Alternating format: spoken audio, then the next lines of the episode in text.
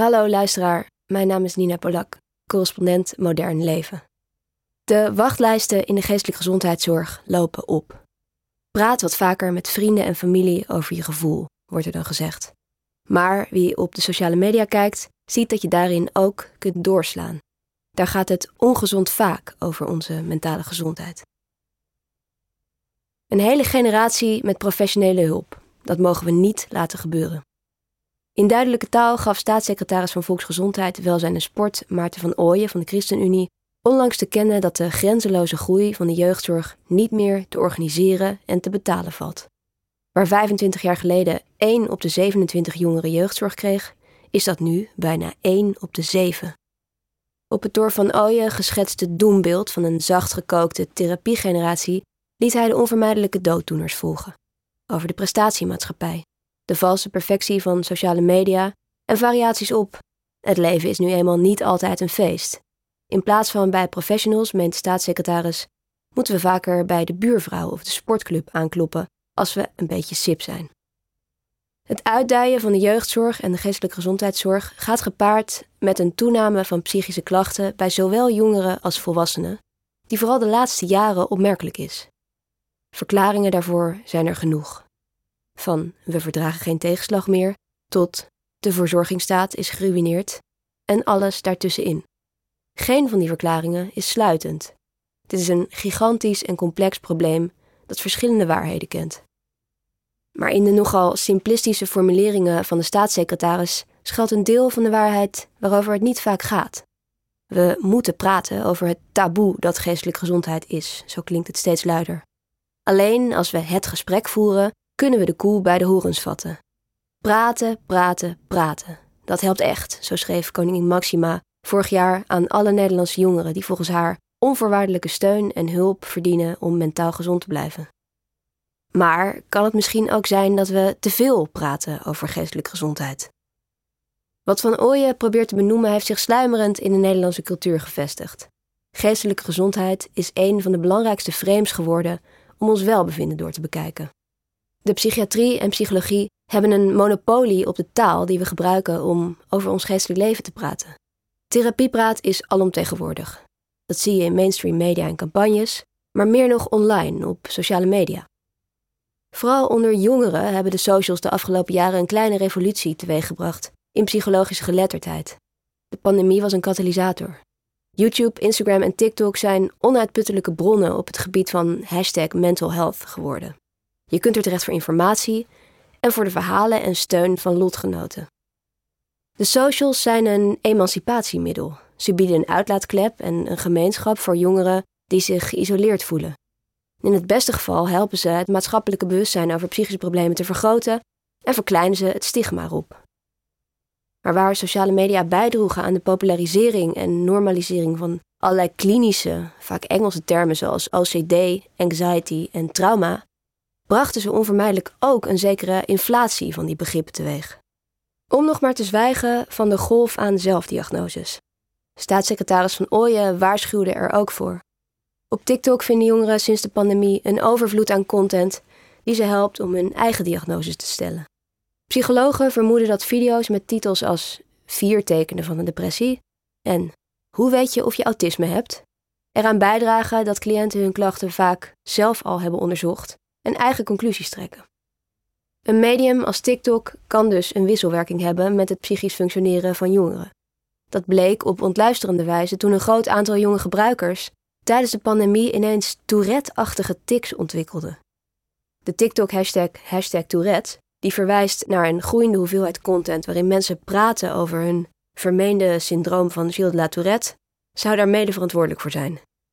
Is dit de eerste ziekte die zich verspreidt via sociale media? vroeg een Amerikaanse journalist zich af. Over de vraag of sociale media ziekmakers kunnen zijn, bestaat geen wetenschappelijk uitsluitsel. Maar de toegenomen zelfdiagnoses en de besmettelijke tics illustreren wel dat van dat zogenaamde taboe op psychische klachten geen sprake meer is. Zeker niet onder jongeren op sociale media. Dat de beroepsgroep daar zelf ook vruchten van plukt, spreekt voor zich.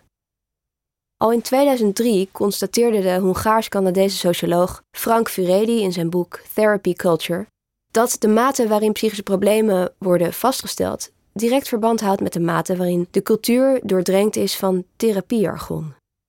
Therapeuten, schrijft hij, hebben in bijna alle regionen van de samenleving vraag naar hun diensten gecreëerd. Het ontstaan van wat hij een therapeutisch ethos noemt, een grote maatschappelijke nadruk op emotie en mentaal welbevinden, gaat gepaard met een bloeiende markt voor psychologische hulpverlening. In Nederland is het aantal GZ-psychologen sinds 1999 pakweg verdriedubbeld. Dat er steeds meer geld gaat naar GGZ is ook bekend, maar inmiddels overtreft de vraag zelfs het enorme aanbod. De therapeut heeft de priester vervangen, wordt wel eens gezegd. Maar de kerk heeft voor zover ik weet nooit de luxe gehad van meer volgelingen dan ze aan kan. Niet verwonderlijk ook dat de sector zelf met verontwaardiging en bezorgdheid op de oproep van Van Ooyen reageerde. Doorschuiven en bagatelliseren, schreef psychiater Christian Vinkers op LinkedIn, daar lijkt de nieuwe oproep het meest op. Vooral om een financieringsprobleem op te lossen. Kinderpsychiater Hilgo Bruining sprak de hoop uit dat Van Ooyen's statement geen inleiding vormt tot nieuwe bezuinigingen. Hij schreef: De parlementaire enquête van de transitie naar het nieuwe zorgstelsel in 2015 ligt nog in het verschiet. Erbarmedig. Toch wordt ook binnen de GGZ al sinds jaar en dag erkend dat de therapeutische stand voor een deel haar eigen klandizie creëert.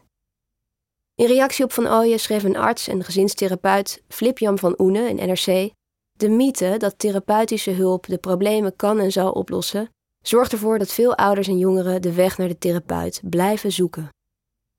Het ontplofte therapieaanbod heeft in zijn ogen tot gevolg dat kwetsbaarheid en pech gepathologiseerd worden. Onder jongeren groeit het idee, zegt hij, dat ze pas serieus genomen worden met een diagnose en ze gaan nare gevoelens steeds meer benoemen als stoornissen.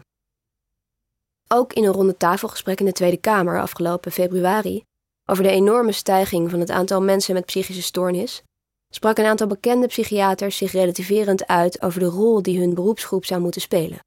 Jim van Os herhaalde dat de problemen voor een groot deel bestaan uit onvervulde sociale en existentiële zorgbehoeften. Zijn collega Damian Denies stelde dat lijden een vorm van identiteit geworden is. Nauwelijks iets nieuws. Er zijn altijd mensen geweest die zich door hun lijden laten definiëren. Sommige van hen werden zelfs heiligen. Maar hoe identiteit vorm krijgt, is veranderd door sociale media, waar de taal van het lijden een zelfbevestigend effect kan hebben. Al is het alleen al omdat bepaalde hashtags meer views opleveren. Dat taalgebruik uniformiseert rond populaire kernbegrippen is een van de twijfelachtige functies van algoritmes. Ze prikkelen gebruikers om met steeds dezelfde buzzwords te verwijzen naar een steeds vagere betekeniscategorie. Woke en wappie zijn daarvan de bekendste voorbeelden. Hashtag anxiety kan inmiddels even goed gebruikt worden door iemand die zijn volgers meedeelt nerveus te zijn voor een rijexamen, als voor een full-blown paniekaanval, waarbij de pillen op doktersrecept worden aangesleept onder het mom van hashtag doorbreek het taboe. De psychiatrie zegt het dus zelf ook. De taal van de psychiatrie is niet geschikt voor het gevoel dat je hebt als je moet afrijden. Dat je stikzenuwachtig bent op zo'n moment is meestal niets klinisch. Maar dat goed bedoelde praten erover resulteert in de online praktijk inmiddels juist vaak in het rondpompen van klinische begrippen. Of in een hyperfocus op de individuele mentale gezondheid. Erover praten is bovendien niet eens altijd heilzaam. Uit verschillende onderzoeken blijkt dat het excessief bespreken van problemen binnen vriendschapsrelaties, ook wel co-rumineren genoemd, de vriendschap weliswaar kan versterken, maar psychische klachten eerder doet toenemen dan afnemen, vooral bij meisjes. De lobby voor bespreekbaarheid en destigmatisering van psychische klachten schiet in dat opzicht dus zijn doel voorbij.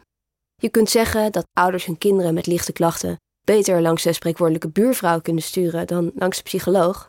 Maar als ze bij die aardige buurvrouw precies dezelfde termen blijven gebruiken als in de GGZ, draagt zo'n gesprek waarschijnlijk niet bij aan een minder gepathologiseerd klimaat. Nu wil de ironie dat op de oproep van Van Ooyen waarschijnlijk het obligate, herhalende maatschappelijke gesprek volgt waartoe hij oproept. En dat daaruit precies dezelfde conclusies komen als altijd. We moeten er meer over praten. We moeten jongeren de tools geven om zelf te zorgen voor hun mentale gezondheid. Op scholen, in buurthuizen, bij huisartsen moet die heilige mentale gezondheid bespreekbaar worden, zodat we er vroeg bij kunnen zijn en er minder mensen professionele hulp zullen zoeken. Nog ironischer, Van precies dit soort verkapte bezuinigingen stond de zorgwet van 2015 bol. Gemeenten moesten niet alleen de intensievere zorg op zich nemen, maar ook zorgen voor de vroegsignalering en preventie die de toestroom naar een intensievere zorg zou verminderen. Nog maar een campagne, want hé, hey, het is oké. De sector is er geen gram minder obese van geworden. Wellicht tijd om toe te geven dat preventie niet preventief werkt als die zogenaamde tools en dat gesprek blijft bestaan uit hetzelfde individualiserende, solipsistische idioom van geestelijke gezondheid. Naast fysieke gezondheid het grote project van het hedendaagse individu.